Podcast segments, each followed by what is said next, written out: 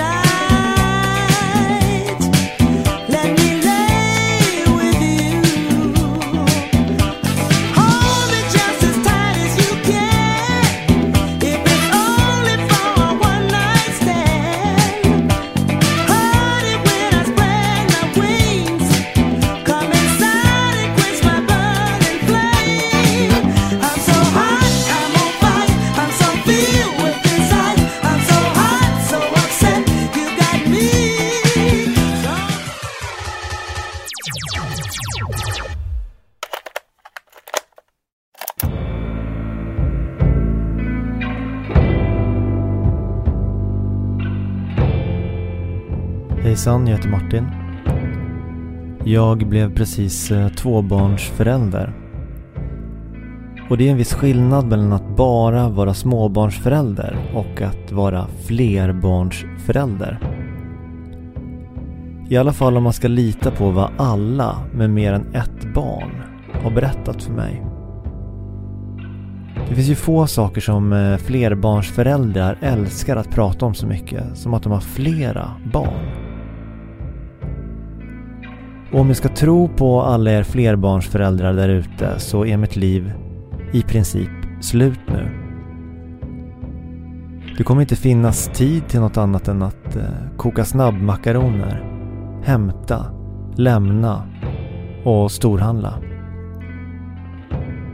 Kanske att man kan klämma in ett bråk med sin fru där någonstans. Men då har man tur. Jag tycker man borde ha hört mer om det här fenomenet om det stämde. Att allt bara hamnar på paus bara för att man får barn. Att livet i princip bara tar slut. Det kanske var därför som Hitler aldrig skaffade barn. Då hade han liksom inte haft tid att döda alla judar och starta ett världskrig.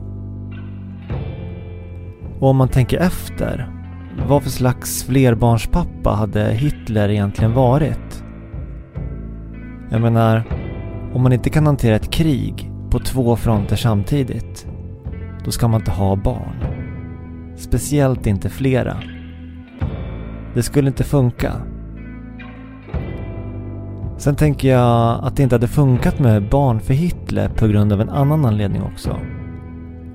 Jag menar en stor anledning till att man har flera barn det är ju att kunna prata om att man alltid är så trött på grund av att ens barn höll en vaken hela natten och att de liksom är så jobbiga. Men det hade ju undergrävt Hitlers auktoritet om han hade gnällt om det här för sina nazistkollegor. För enligt honom var ju allt judarnas fel. Hans partivänner de hade ju helt klart blivit misstänksamma om han hade klagat på sina barn.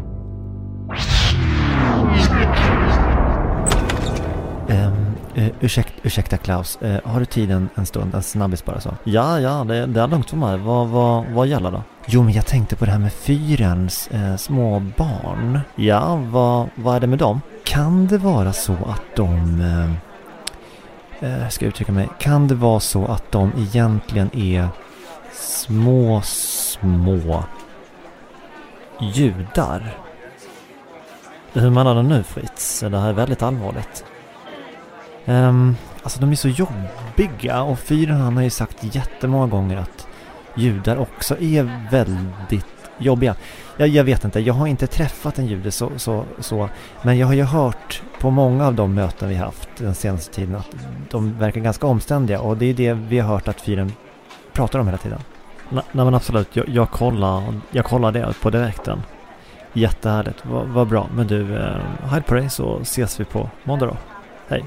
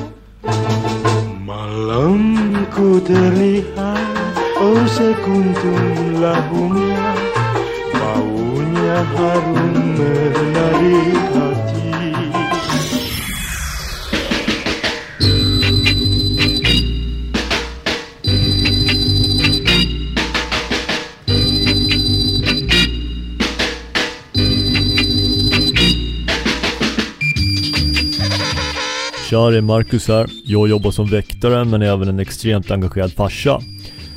Nu tänker du, ja tjena, du är en sån där farsa som köper dyra leksaker till din unge och tror att det är engagemang. Och ja, det kanske jag gör. Men det är inte det enda jag gör, det ska du veta. För ett tag sedan startade jag ett nytt koncept för den engagerade pappan. Jag kallar det för Projekt Pingvinen. Och du kan hitta mig på sociala medier under taggen Pingvinpappan. Vad går det här ut på då? Jo, det går helt enkelt ut på att vi som pappor runt om i världen ska kunna vara mer delaktiga när det kommer till att mata våra små barn. Jag menar okej, okay, vi kanske inte har bröstmjölk, men vi har faktiskt en mun. Så varför inte göra som fåglarna, där båda föräldrarna kan mata sina ungar? Nu matar jag enbart mina ungar genom pingvinprincipen. Det betyder att jag tuggar käket för att sedan kräkas ner det i munnen på barnet. Inte nog med att det gör mig mer delaktig som farsa, det är även en mycket, mycket billigare metod än att köpa barnmat på burk. Dessutom är det mer hållbart för miljön. Var med du också i Pingvinprojektet. Jag heter Marcus och jag är inte bara väktare, jag är också världens första pingvinpappa.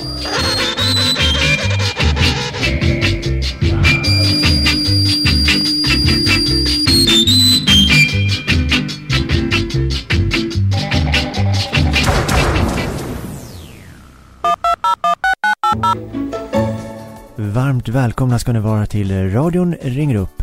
Programmet som är lite som eh, Ring P1 men inte i den statliga sektorn utan i den kreativa diton. Som du nu lyssnar på om det av någon anledning skulle ha undgått dig. Jag heter Bengt Randahl och finns alltid här i telefonslussen för den som är pratsugen. Och i vanlig ordning tror jag att vi har med oss eh, då ska vi se, det är, ja, det är Lennart Seger. Hallå Lennart! Jo, hörru, du är med i vanlig ordning idag då så att säga. Det låter som att du är ute och kör eh, bil idag.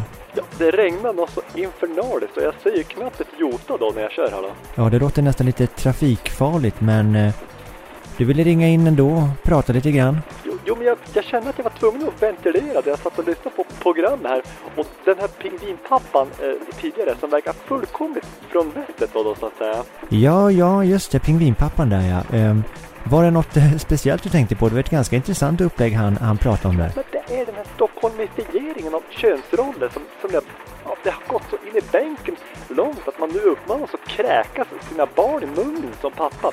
Ja, istället för att mamman som kan mata dem själv då de bara gör det. Och jag menar, ska det vara så in i helvete jämställt när det kom till barnen?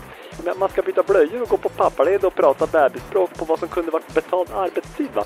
Men hur många gånger tror du min fru har bytt vindrutetorkare på bilen? Oj Lennart, eh, eh ja men du förlåt, då förstår inte jag riktigt vart du är på väg här i ditt resonemang. Jo, men det jag säger är att det saknas stimulans från, från riksdagen va? Att, som kan se till att kvinnor tar sitt ansvar när det kommer till bilarna då så att säga, fordonen.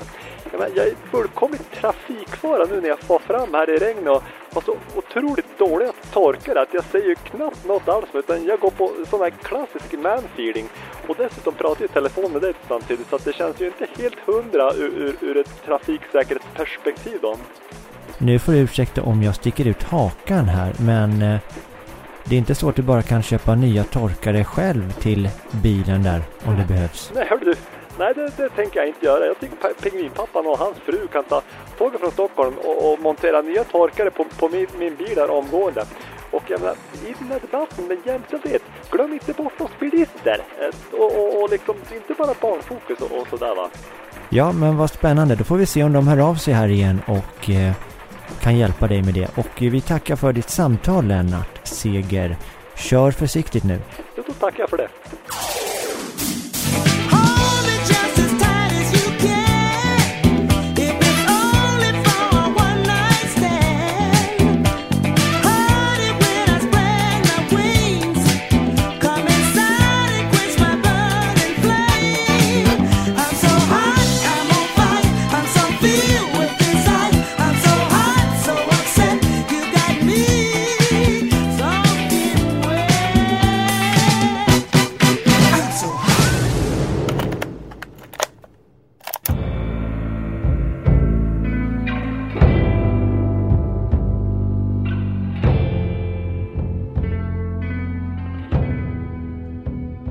Hejsan, det är jag igen.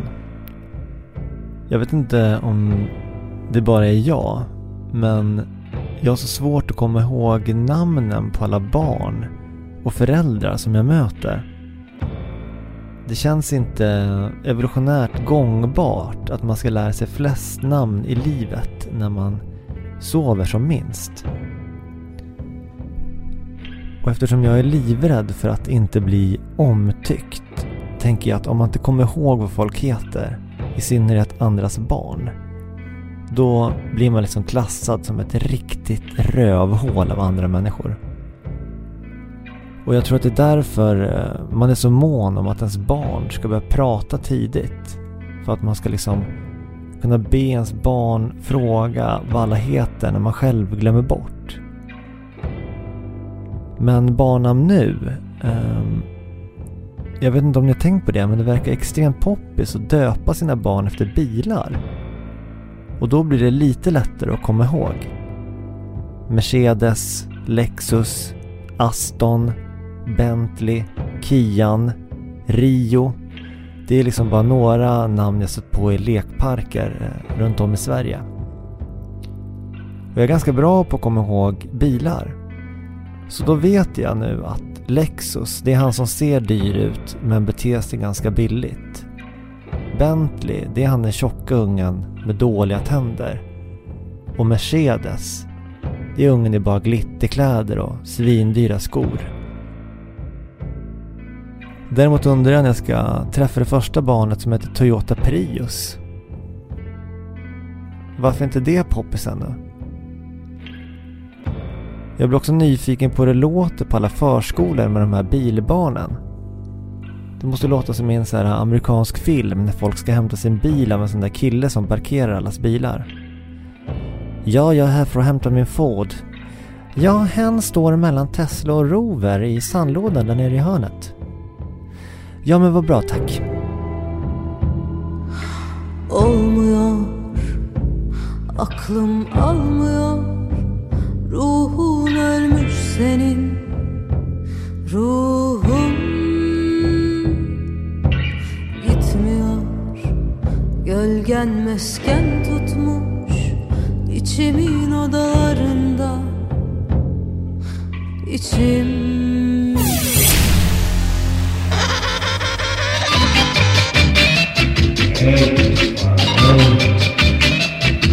İgen, Marcus. Ta ansvar för ditt barn, ditt faderskap och vår planet. Tillsammans kan vi kvälja upp en bättre morgondag. Bli en pingvinpappa, du också.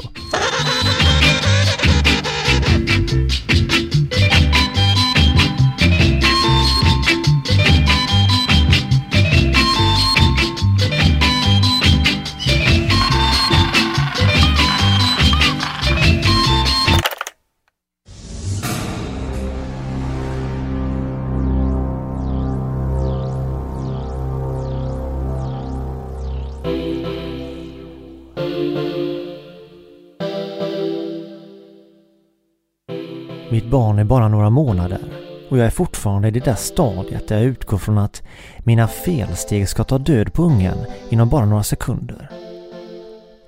Rent evolutionärt antar jag att det borde vara ganska svårt att ta koll på mitt barn. Men hur ska man kunna vara helt säker? Det är klart att jag känner en viss trygghet när jag är hemma, där jag kan navigera mellan olika överlevnadsstrategier för både mig själv och barnet i fråga. Men den riktigt stora utmaningen den kommer när man ger sig ut på okänt vatten. Ut i det okontrollerbara och det okända. Alltså allt det som inte är hemma. Jag tänker på en eh, före detta kollega jag hade när jag jobbade på en reklambyrå på 00-talet. Som sa till mig att man skulle fake it till you make it. Det var inte ett uttryck jag kunde ta till mig då men som ekar i mitt huvud då jag med så fast blick som möjligt försöker se avslappnad och rutinerad ut när min två månaders bebis gallskriker i vagnen på den stora gallerian jag modigt nog valt att uppsöka idag. Det är med en lite mer osäker blick jag tittar in i amningsrummet för att byta blöjor på mitt barn och testa med lite mjölkersättning på flaska. Jag hinner inte mer än bara ta några få steg innan jag möts av en arg och irriterad blick av en mamma där inne. Jag vet inte vad hon tänker, men ändå är jag relativt säker på att jag vet vad hon faktiskt tänker. Hon vill inte ha mig där inne. Hon stirrar på mig som att jag är där för något helt annat än att byta blöja på mitt barn och mata det. Och där kommer nästa mamma. Som även hon tittar på mig med samma blick som hon den andra mamman. Mina tankar och jag är överens nu. De är i maskopi de jävlarna. Alla de här amningsrumsmammorna tror att jag är någon sjuk jävel som bett om att få låna en främlings barn bara för att gå in i ett amningsrum. Titta på mjölksvettiga bröst i ett svagt os av gul bebisdiarré. Som att jag skulle gå igång på att vara här inne. Som att jag skulle vara den där killen på högstadiet som råkat gå in i fel omklädningsrum på gympan bara för att se nakna tjejer. Fan också. Jag skulle aldrig gått hemifrån. Inte nog med att mitt barn har bajs både längs hela ryggen och är jättehungrigt. Nu ska jag behöva skämmas för att jag är både en dålig förälder och ett påhittat pervo. Plötsligt börjar hon prata med mig. Hon säger att det är kul att se en pappa här inne och gulla lite med mitt barn. Vad fan är det här? Stöter hon på mig? Ser hon inte att eh, jag antagligen är upptagen med både ett nedbajsat barn och en fru där hemma? Jag kör medvetet över hennes fot med min vagn och går mot närmsta toalett med skötbord och smäller igen dörren. Rejält. Vilken jävla stil. Jag heter Sune Wemson och jag kämpar på i mitt föräldraskap.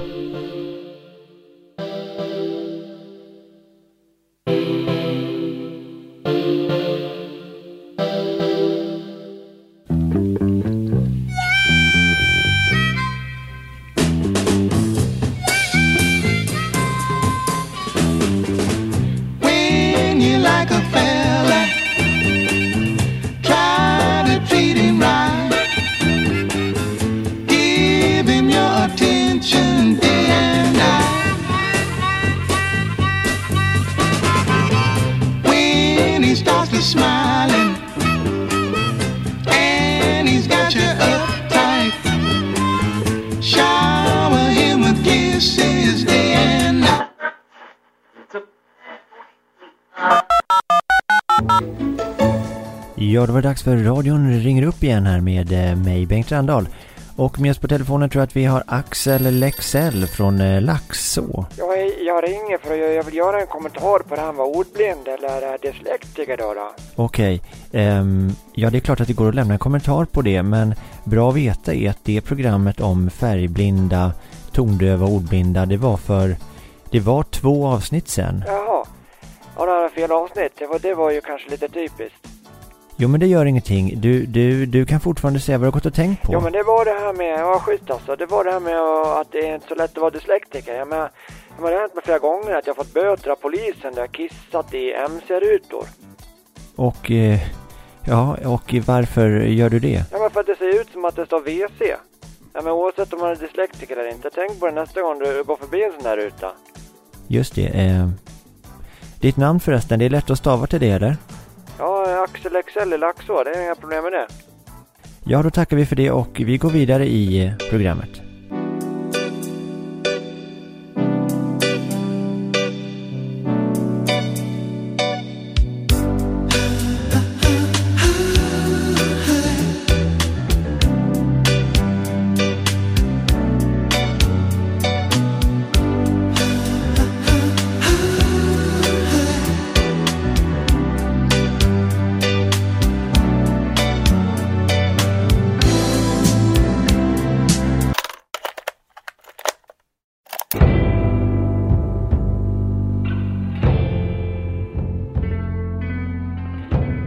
Det går inte att prata om barn utan att prata om bajs.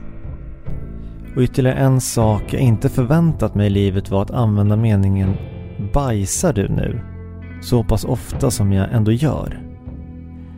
För när ens dotter tittar på en med en ihålig blick, fixerad i fjärran och ett så rött ansikte så att till och med jag som färgblind ser, då vet jag att det är något fuffens på gång. Så nu när jag ser folk med den där tomma blicken på kollektivtrafiken, i ett jobbmöte eller i kön på Konsum. Då känner jag samma behov av att ställa den där kontrollfrågan. Bajsar du nu? Jag har en dotter på två och ett halvt men nyligen fick jag en son och eh, då fick jag en insikt. Det är helt klart att det är speciellt att som pappa få en son. Det är svårt att beskriva. Men jag ska försöka. Det jag i synnerhet tänker på är hur extremt opraktiskt det är att eh, bajsa på sig när man har en pung. Det är liksom inga snabba enkla drag på skötbordet när man tar en bajsblöja längre. Nu ska man liksom jobba sig runt en övermogen mandarin inkletad i gult bajs. Ja, det är kämpigt. Men en stor fördel med att vara tillbaka vid skötbordet och att byta blöjor är däremot att jag i egenskap av supersvensk kan få öva min villvandrarsvenska utan att någon hör. Men att jag liksom samtidigt har en publik, ett barn som inte kommer komma ihåg någonting. Vad är villvandrarsvenska då? Jo, jag tänker alltså på all den här ballaslangen som man hör i Snabba Cash eller eh, på tunnelbanan som man liksom inte kan ta efter utan att totalt göra bort sig i egenskap av 100% i Swady. Men vid skötbordet, där går jag loss. Jag nästan slänger upp min nyfödda son på skötbordet och bara skriker Walla, det är tjockt med bajs här mannen. Och när han kissar på mig mitt i ombytet då säger inte jag Äh, lägg av nu. Då säger jag Hallas. Jag torkar bort det, jag pussar honom på hela magen och sen så säger jag kärleksfullt Hamdulillah. Sen låser jag upp skötrummet på det där kaféet jag varit med strålande humör. Tills att jag ser tre asballa ortenmammor precis utanför som har hört allt. Som stirrar ner mig rejält. Jag skäms inte bara för att jag förstår att de har hört min villvandrarsvenska på skötbordet. Utan också för att jag med snabba steg går därifrån med ett ilrött ansikte och blicken fixerad långt bort i fjärran. Vilket rent logiskt borde betyda att de egentligen bara tänker på en enda sak. Bajsar han nu? olmuyor Aklım almıyor Ruhun ölmüş senin Ruhun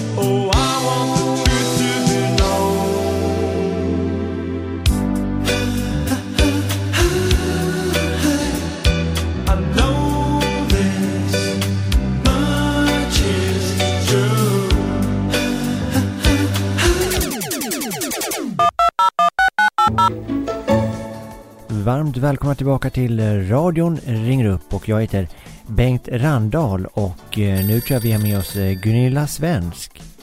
Ja, hej. Ja, hej Gunilla. Hur mår du idag? Ja, jag är, jag är lite på pickalurven idag också. Just det, du är lite hängig så kanske. Men ändå, eh, nej. Ja, men vad spännande. Och eh, vad var det du ville prata om? Eh, Jag har, jag har faktiskt något som jag skulle eh, vilja prata om idag i- igen. I, ja, Ja, nej men det var det här med, det här med lego. ja Lego ja. Eh, vad var det med Lego? Eh, mer specifikt? Jo men, eh, lego. Ja, men jag, jag tycker verkligen att det är synd och eh, skam att det liksom eh, ska få finnas ett sånt eh, ja, patriarkalt påfund som liksom eh, ingen sätter ner foten för. Alltså på, på riktigt. Eh, Är det inte ganska många som ändå sätter ner foten på Lego även om det är ofrivilligt och eh, svär ganska högt? Det kan ju göra ont. ja, men kom igen. Alltså jag menar inte så. Alltså, Bengt. Nej, just det. Nej, det var ju dumt av mig. Det där är en härskarteknik. Alltså det, det jag menar det är liksom att det är så, vad ska man säga, alltså det, det är en otroligt eh, heteronormativ leksak som liksom bygger på en plupp och, och ett hål. Det går inte att, att liksom bygga plupp mot plupp eller eh, hål mot hål. Alltså, jag tycker det är... Jag tycker det är... Ja, jag tycker det är sunkigt. Det, det är det jag tycker. Att det, liksom att lego gör så, alltså med pluppar och... Ja. Och eh, vad är då lösningen eh, på det här? Nej men det vet, det vet inte jag. Alltså, jag... Jag är inte leksaksdesigner men jag, jag är... Jag är kvinna och jag eh, ställer inte upp på det längre. Att eh, alla barn ska liksom eh, bygga upp små falocentriska samhällen där liksom pluppen, det är alltid den som är högst upp. Och hålen, de, är, ja, de ska vara neråt och de är ja, osynliga. Det är, det är inte okej. Alltså, jag, jag tycker inte det. Ja. Just det. Eh, har du själv barn som eh, leker med Lego, Gunilla? Nej, nej jag har inte det. Jag tänker inte skaffa det. Förrän det liksom finns ett icke-normativt lego här i, i världen. För jag tycker det är en kul idé. Det, det, det ska de ju veta, men de får tänka lite där. Ja, men vad bra eh, grej att ringa in om. Jag tror vi stannar där. Tack eh, Gunilla Svensk. Vi går vidare här i programmet. Ja, tack, tack. Så jag tar en öl till.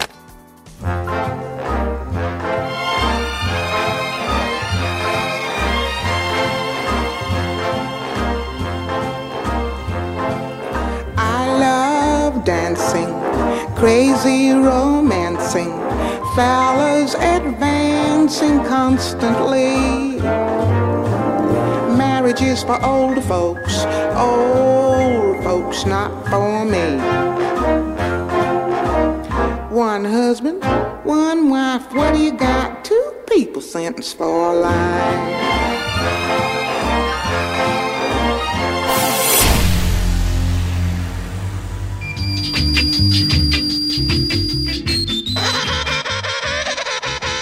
Var inte så enkelspårig. Bli en pingvinpappa.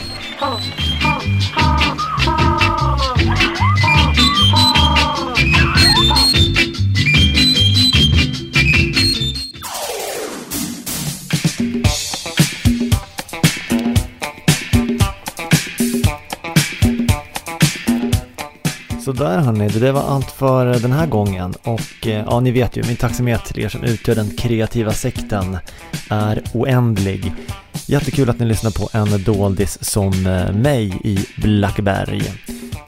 Och jag vet att jag tjatar om att sätta betyg och skriva recensioner på vilken plattform du nu lyssnar på. Men jag vill bara säga att det gör en stor skillnad i hur den liksom kreativa sektorn liksom exponeras genom olika algoritmer på olika ställen. Och fler lyssnare är såklart roligt om ni frågar mig. Um, och generellt är det väl uh, roligast när ni lyssnare hör av er till mig med era tankar eller frågor. För då får jag liksom lite mer bollplank, vilket är Ja, det är ganska uppfriskande nu när innehållet i nuläget enbart bollas mellan mina olika personlighetstyper, tvångstankar och hjärnhalvor. Så tack för att ni lyssnat och för er som inte redan vet det så är den här podden spontan, prestigelös och lustfylld. Och jag hoppas såklart att jag delar i alla fall lusten med er lyssnare. Så med det sagt, ha en fortsatt trevlig resa i livet life så hörs vi snart igen.